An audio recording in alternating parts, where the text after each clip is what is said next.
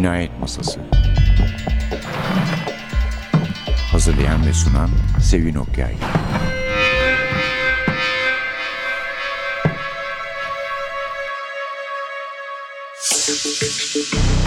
Merhaba, NTV Radyo'nun Cinayet Masası programına hoş geldiniz. Bugün size ilk kez adını duyduğumuz bir Danimarkalı yazarı takdim edeceğim.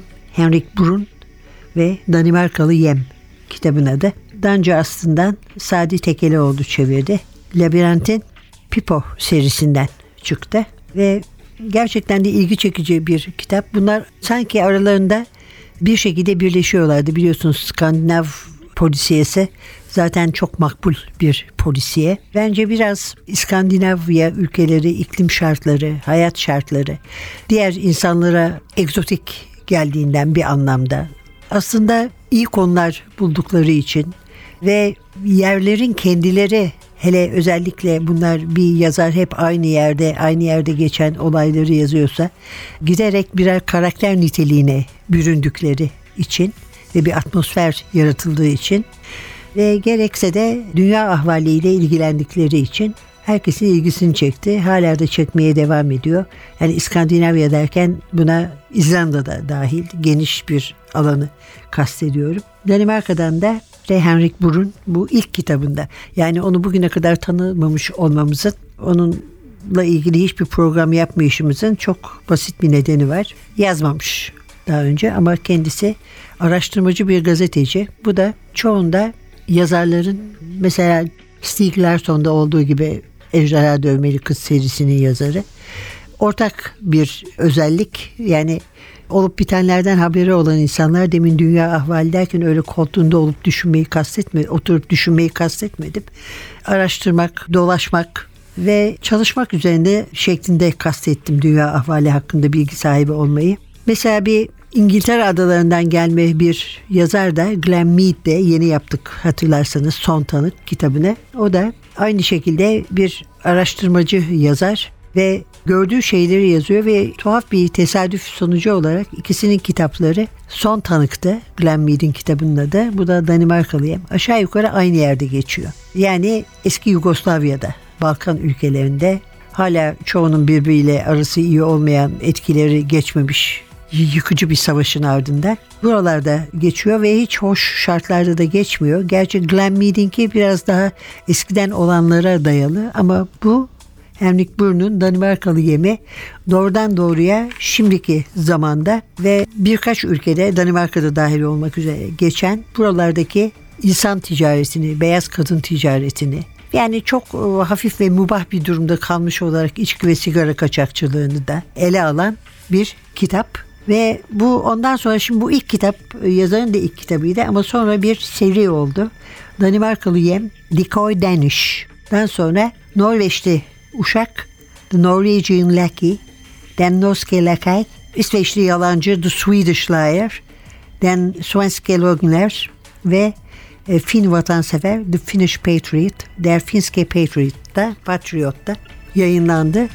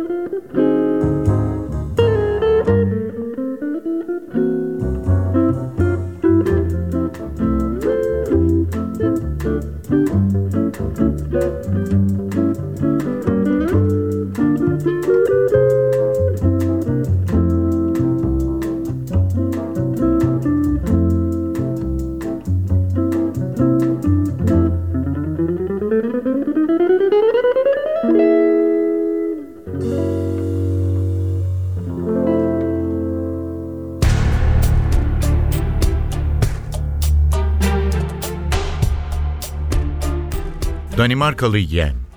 Hele hafta sonu boyunca evliliğin dışında da aşk yaşayabileceğini, öpüştüğü kişinin Danimarkalı olmasının da bunda rol oynayabileceğini düşünmüştü. Anlaşılabilir bir şeydi. Belki. Michael da aynı şekilde düşünmüştü herhalde. Dostluk Derneği'ne katılmasının ardında yıllardır Slovenya'da yaşaması yatıyordu belki. Kendi kültürlerini, kendi insanlarını özlüyordu ikisi de.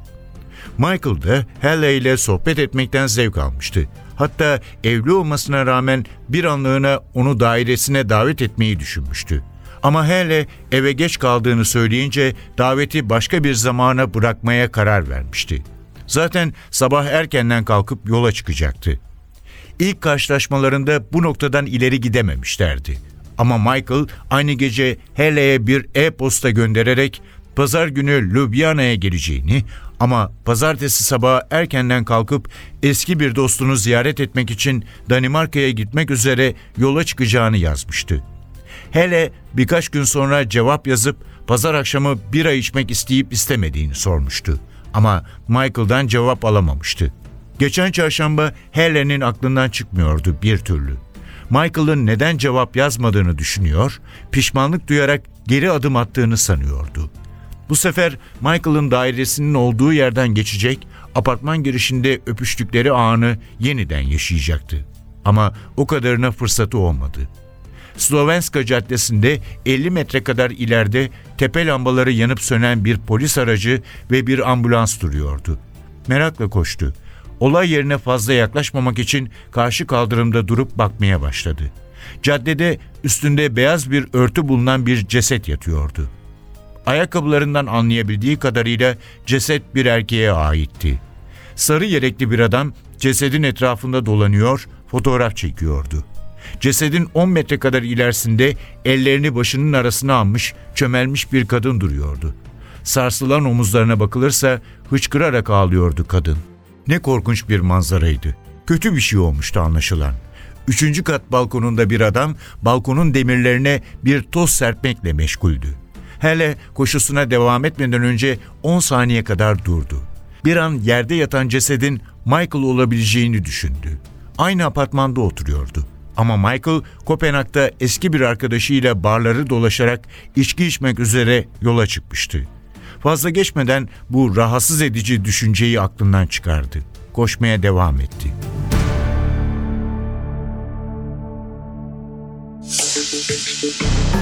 Henrik Brun bu yıl kitap fuarına da geldi İstanbul'a. Ne yazık ki benim çok işte panellerim falan vardı, söyleşilerim vardı. Onun için onun imza gününde bulunamadım orada. Labirent yayınlarının standına gidemedim. Burun kitaplarını imzalarken. Ama o e, Hüseyin eksik olmasın Hüseyin Çukur sahibi, Labirentin ve kurucusu. Sadece polisiye kitapları basmayı göze alan maceracı şahıs. Ondan rica etmiş. O da bana imzalamış. Dear Sevin Okyay, I hope you will enjoy this book all the best diye. Teşekkürlerimizi sunuyoruz kendisine. Kitaptan hakikaten hoşlandım. Ve kendisi burada teşekkürler bölümünde de Balkan ülkelerinde çalıştığı yıllarda yaptığı röportajlardan ve konuştuğu insanlardan söz ediyor bir gazeteci olarak. Sonra da araştırma gezileri yapmış Slovenya, Bosna ve Hırvatistan'da ve özellikle onun deyişiyle Avrupa'nın gizli cenneti Ljubljana'da. Ve onlar da ondan sonra bütün bunlardan sonra bu hazırlıktan sonra da bu kitabı oturup yazmış. Kitap bir düğün davetiyesiyle başlıyor. Sevgili Ketil 2 Şubat günü saat 14'te Saraybosna'daki Saint Joseph Kilisesi'nde dünya evine giriyoruz. Kilisedeki törenin ardından aynı gün saat 17'de Otel Villas'ın lokantasında bir kutlama yemeği vereceğiz. Hem kilisedeki törende hem yemekte seni de aramızda görmekten büyük mutluluk duyacağız. Seni görmek için sabırsızlanıyoruz. Saygılarımızla Emilia Pravdic, Goran Matic. Gördüğü gibi kahramanımızın adı Ketil. Ketil Brandt. Şimdi bu Ketil'in ne gibi sorunları oluyor bizim açımızdan? Ben önce hanım olduğunu sandım değilmiş. Onun için başlarda size bir sorun çıkarmasına izin vermeyeyim. Bilin ki bir erkek Ketil. Keti'ye benzettiğim için herhalde kadın olmasını münasip bulmuştum. Sonra katille karışıyor. Ona da biraz dikkat etmek gerekiyor. Ayrıca benim gibi gözünüzü iyi görmüyorsa o zaman E'leri de O okuyorsunuz. Ortadaki çizgi görünmüyor. O zaman da kotil oluyor. Bütün bunlara en başından bir son verelim ve hatırlayalım. kahramanımız Kettle Brandt ve zaten bundan sonraki üç kitapta da aynen öyle kalacak. Kitabımız isimsiz birini ve sonuna kadar da böyle isimsiz kalmakta devam edecek. Yazdığı notlarla başlıyor. Sonra yavaş yavaş anlıyoruz ki bunlar kaçırılıp fuhşa teşvik edilen kadınlar ve yanlarında da onları kaçıran ve acıma nedir bilmeyen adamlar var. Burada o kendi kendine düşünceleri var. Acaba bir şey sorsam mı? Şoföre bir not versem mi şeklinde giden bir böyle giden bir kullarımız var. Sonra bir başka kahramanımız var. Michael Jensen. Michael Jensen Ketil'in arkadaşıymış eskiden çok samimiymişler. Michael Danimarka'ya Ketil'in yanına gitmek istiyor. Ailesine öyle söylüyor karısı ve kızına ve o sırada ama Ketil de bu düğüne geleceği için aynı zamanda arkadaşı Michael'la buluşmak, onu görmek istiyor. Ama birbirlerine haber vermeyi geciktirdikleri için aramaya başladıklarında karşılıklı birbirlerine ulaşamıyorlar. Ulaşamadıkları için de bir türlü karşı karşıya gelemiyorlar. Çünkü Michael hemen kitabın başında öldürülüyor.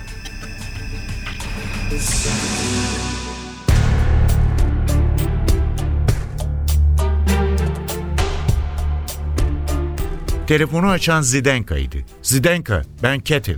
Ketil, Ketil dedi Zidenka ağlamaklı bir sesle. Trajedi ete kemiğe bürünmüş, sanki Ketil'in kulaklarından içine sızıyor, tüm bedenini titretiyordu. Diyecek bir şey bulamadı. Michael seni ziyarete giremeyecek. Michael öldü Ketil, dedi Zidenka hışkırarak. Duydum Zidenka, polis beni arayıp söyledi. Çok üzgünüm. Neden, neden dedi Zidenka yine hıçkırıklar içinde. Bu soruya cevap verebilecek en son kişinin kendisi olduğunu biliyordu Ketil. Zidenka'ya aynı soruyu sormamayı düşünüyordu. Ya da en azından yeri ve zamanı değildi henüz. Size geleyim mi diye sordu Ketil. Şimdi mi? Evet, Ljubljana'dayım. Ljubljana'da mı diye sordu Zidenka. Ketil'in ne dediğini duymamış gibiydi. Ama o da Kopenhag'da seni ziyaret edecekti. Beni ziyaret edeceğinden haberim yok. Ben izindeyim. Buraya gelmek için yola çıkmıştım.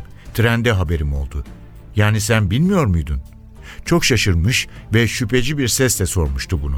Zidenka sanki hiçbir şey anlamıyordu. Hayır, Kopenhag'a geleceğini bana söylemedi. Yalnız mısın şu anda? Hayır, Vanya ile beraberim. Dünyamız yıkıldı Kettle, dedi Zidenka. Artık kendini tutamıyor, hıçkıra hıçkıra ağlıyordu telefonda. Kettle'in de gözleri ıslandı.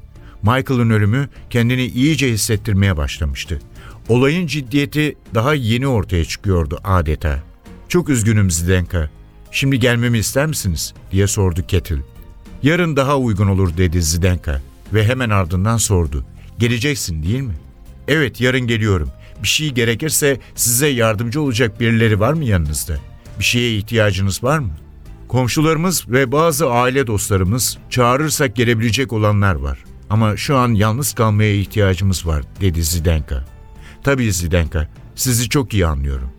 Cenaze törenine de gelecek misin? Perşembe günü. Gelirsin değil mi? Tabii geleceğim. Polisle konuşurken ona da söylemiştim. Cenazeye gelmeni istediğimi söyle diye ricada bulunmuştum. Ben seni Danimarka'da sanıyordum. Evet söylediler. Elbette geleceğim Zidenka. Yarın da uğrayacağım size. Teşekkür ederim Ketil. Yarın görüşürüz. Evet, yarın görüşürüz dedi Ketil ve telefonu kapattı.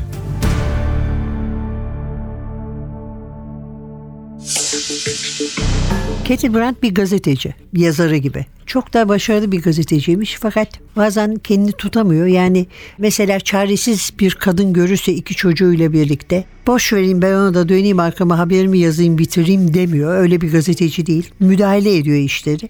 Ama en sonunda biraz fazlaca müdahale ettiği için gazeteden ayrılmak zorunda kalıyor ve havaalanında bir iş buluyor kendine. Gene de gazeteci ruhu taşıdığı için arkadaşının öldürüldüğünü öğrenince onun katilini bulmaya ahd ediyor. Çünkü zaten ortada zaten işin cinayet olduğu belli değil. Önce bunun cinayet olduğunu ispat etmeye çalışıyor. Çünkü Michael evinin balkonundan sokağa düşmüş. Yani kendini atmış olabilir. Kaza olabilir. Cinayet olduğu kimsenin aklına gelmiyor ve Ketil kendine bu durumun bir cinayet olduğunu ispat etmeye adıyor. Orada Sloven polislerle birlikte çalışıyor. Ee, ne yazık ki komiser Iva Grado dışında kime güvenebileceği belli değil.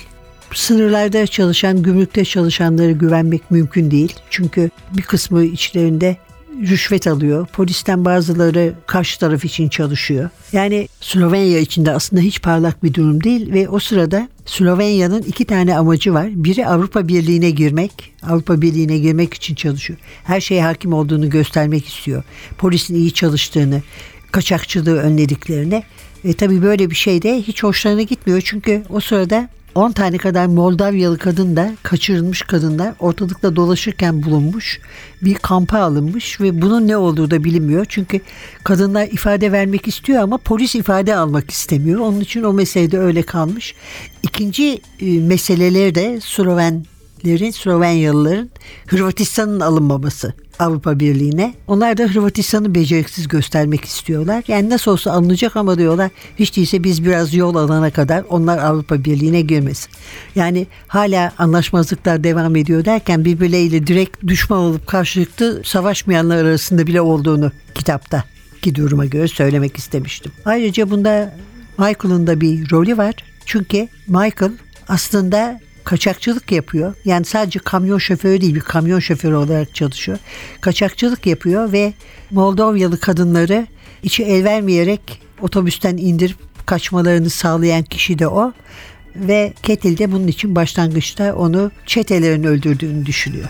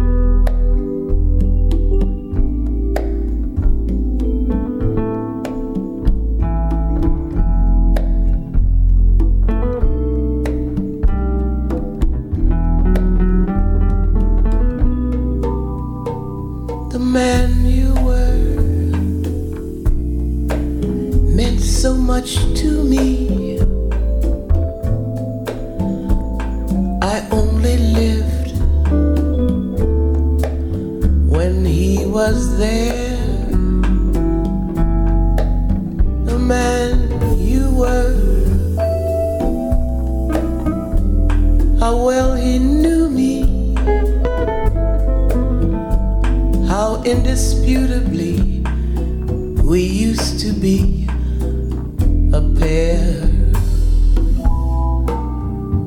Were you the man I said hello to? A gentleman,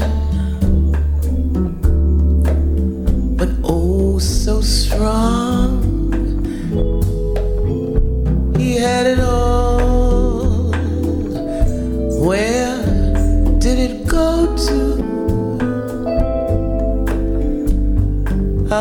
Finally turn out to be so wrong? I try to find familiar traces, but every time his face is just a blur. That man you if I could find him, I'd bring him back from yesteryear. I'd hold him close and I'd remind him that I'll be here whatever may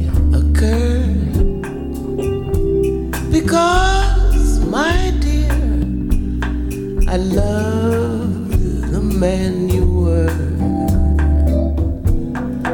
Because, my dear, I love the man you were. Because, my dear, I love the man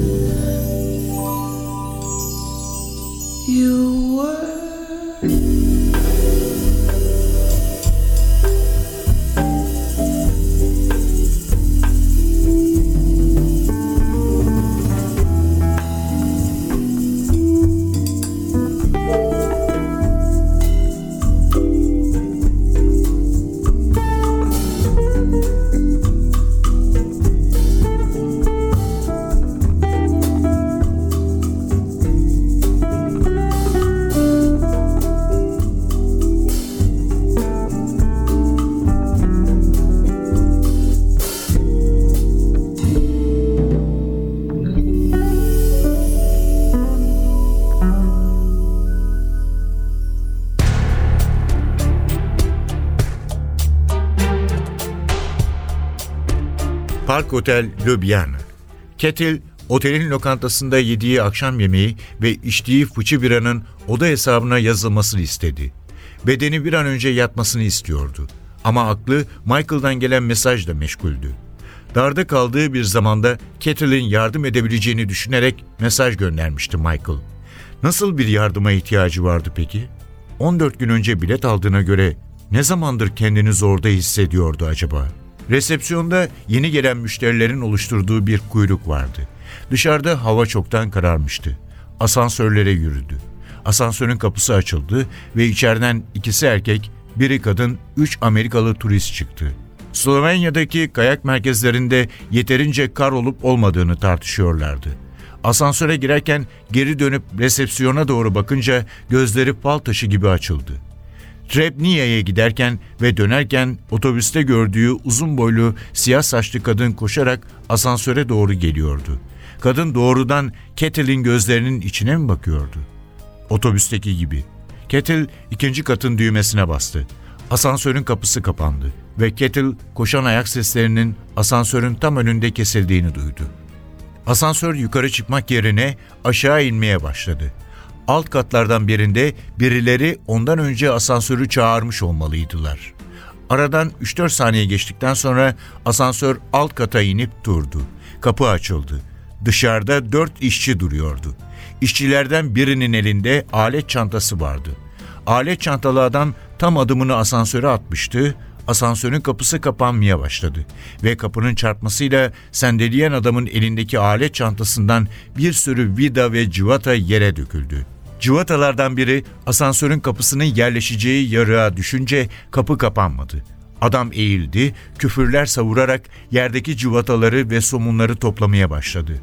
Adam yerdeki civataları toparlarken asansörün kapısı da devamlı gelip gidip adamın sırtına çarpıyordu.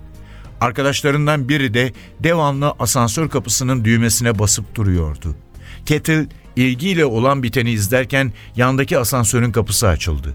Uzun boylu, siyah saçlı kadın yine karşısındaydı. Kadın dikkatle Kettle'a bakarak "Hangi oda?" dedi. "Konuşmalıyız." "Ne?" dedi Kettle. "Niçin? Beni takip mi ediyorsunuz?" Yerdeki cıvataları toplayan işçi işini bitirmişti. Bir diğeri çıkacakları katın düğmesine basınca kadının cevap vermesine fırsat kalmadan asansörün kapısı kapandı ve yukarı çıkmaya başladılar. Asansör ikinci kata çıkıyordu. Kadın gün boyu peşinde mi dolaşmıştı? Neden şimdi konuşmayı seçmişti? Önlemlerini almalı, dikkatli olmalıydı. Asansör ikinci kata kadar durmadan çıktı. Kadın yetişmiş olamazdı.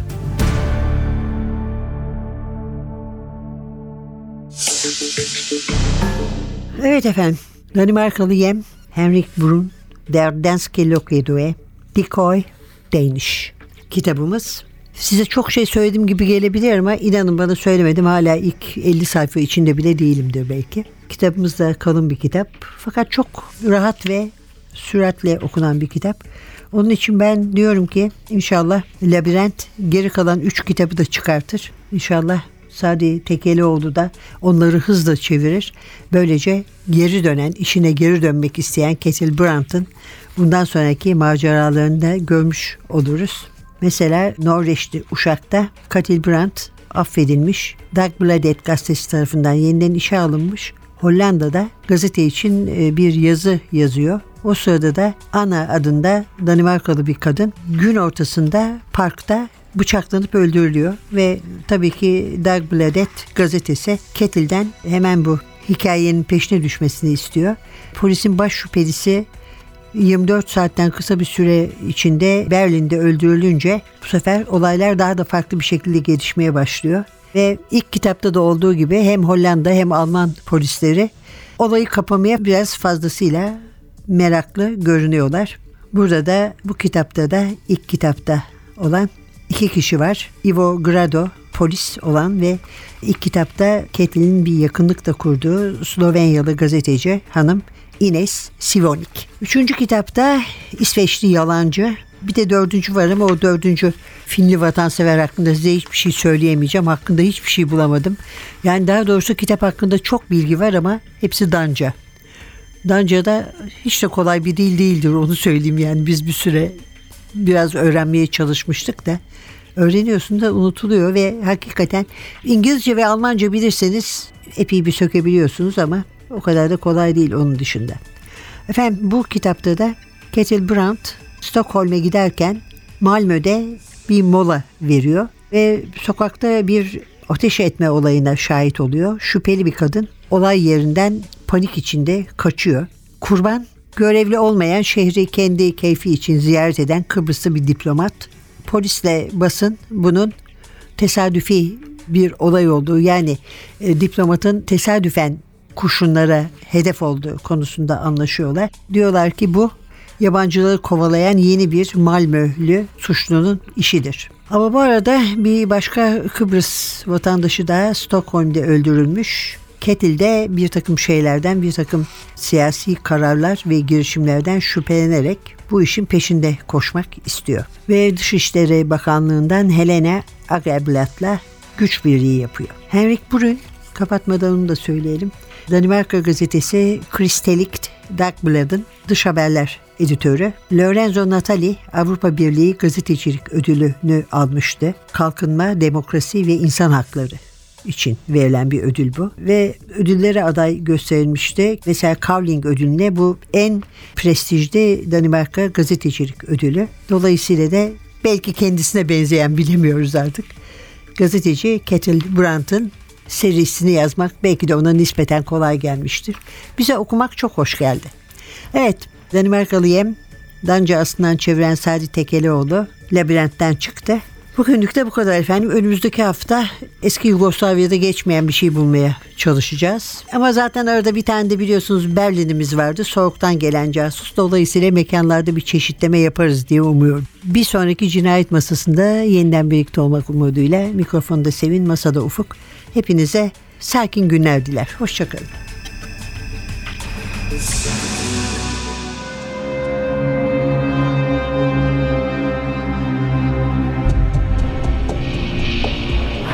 Cinayet Masası.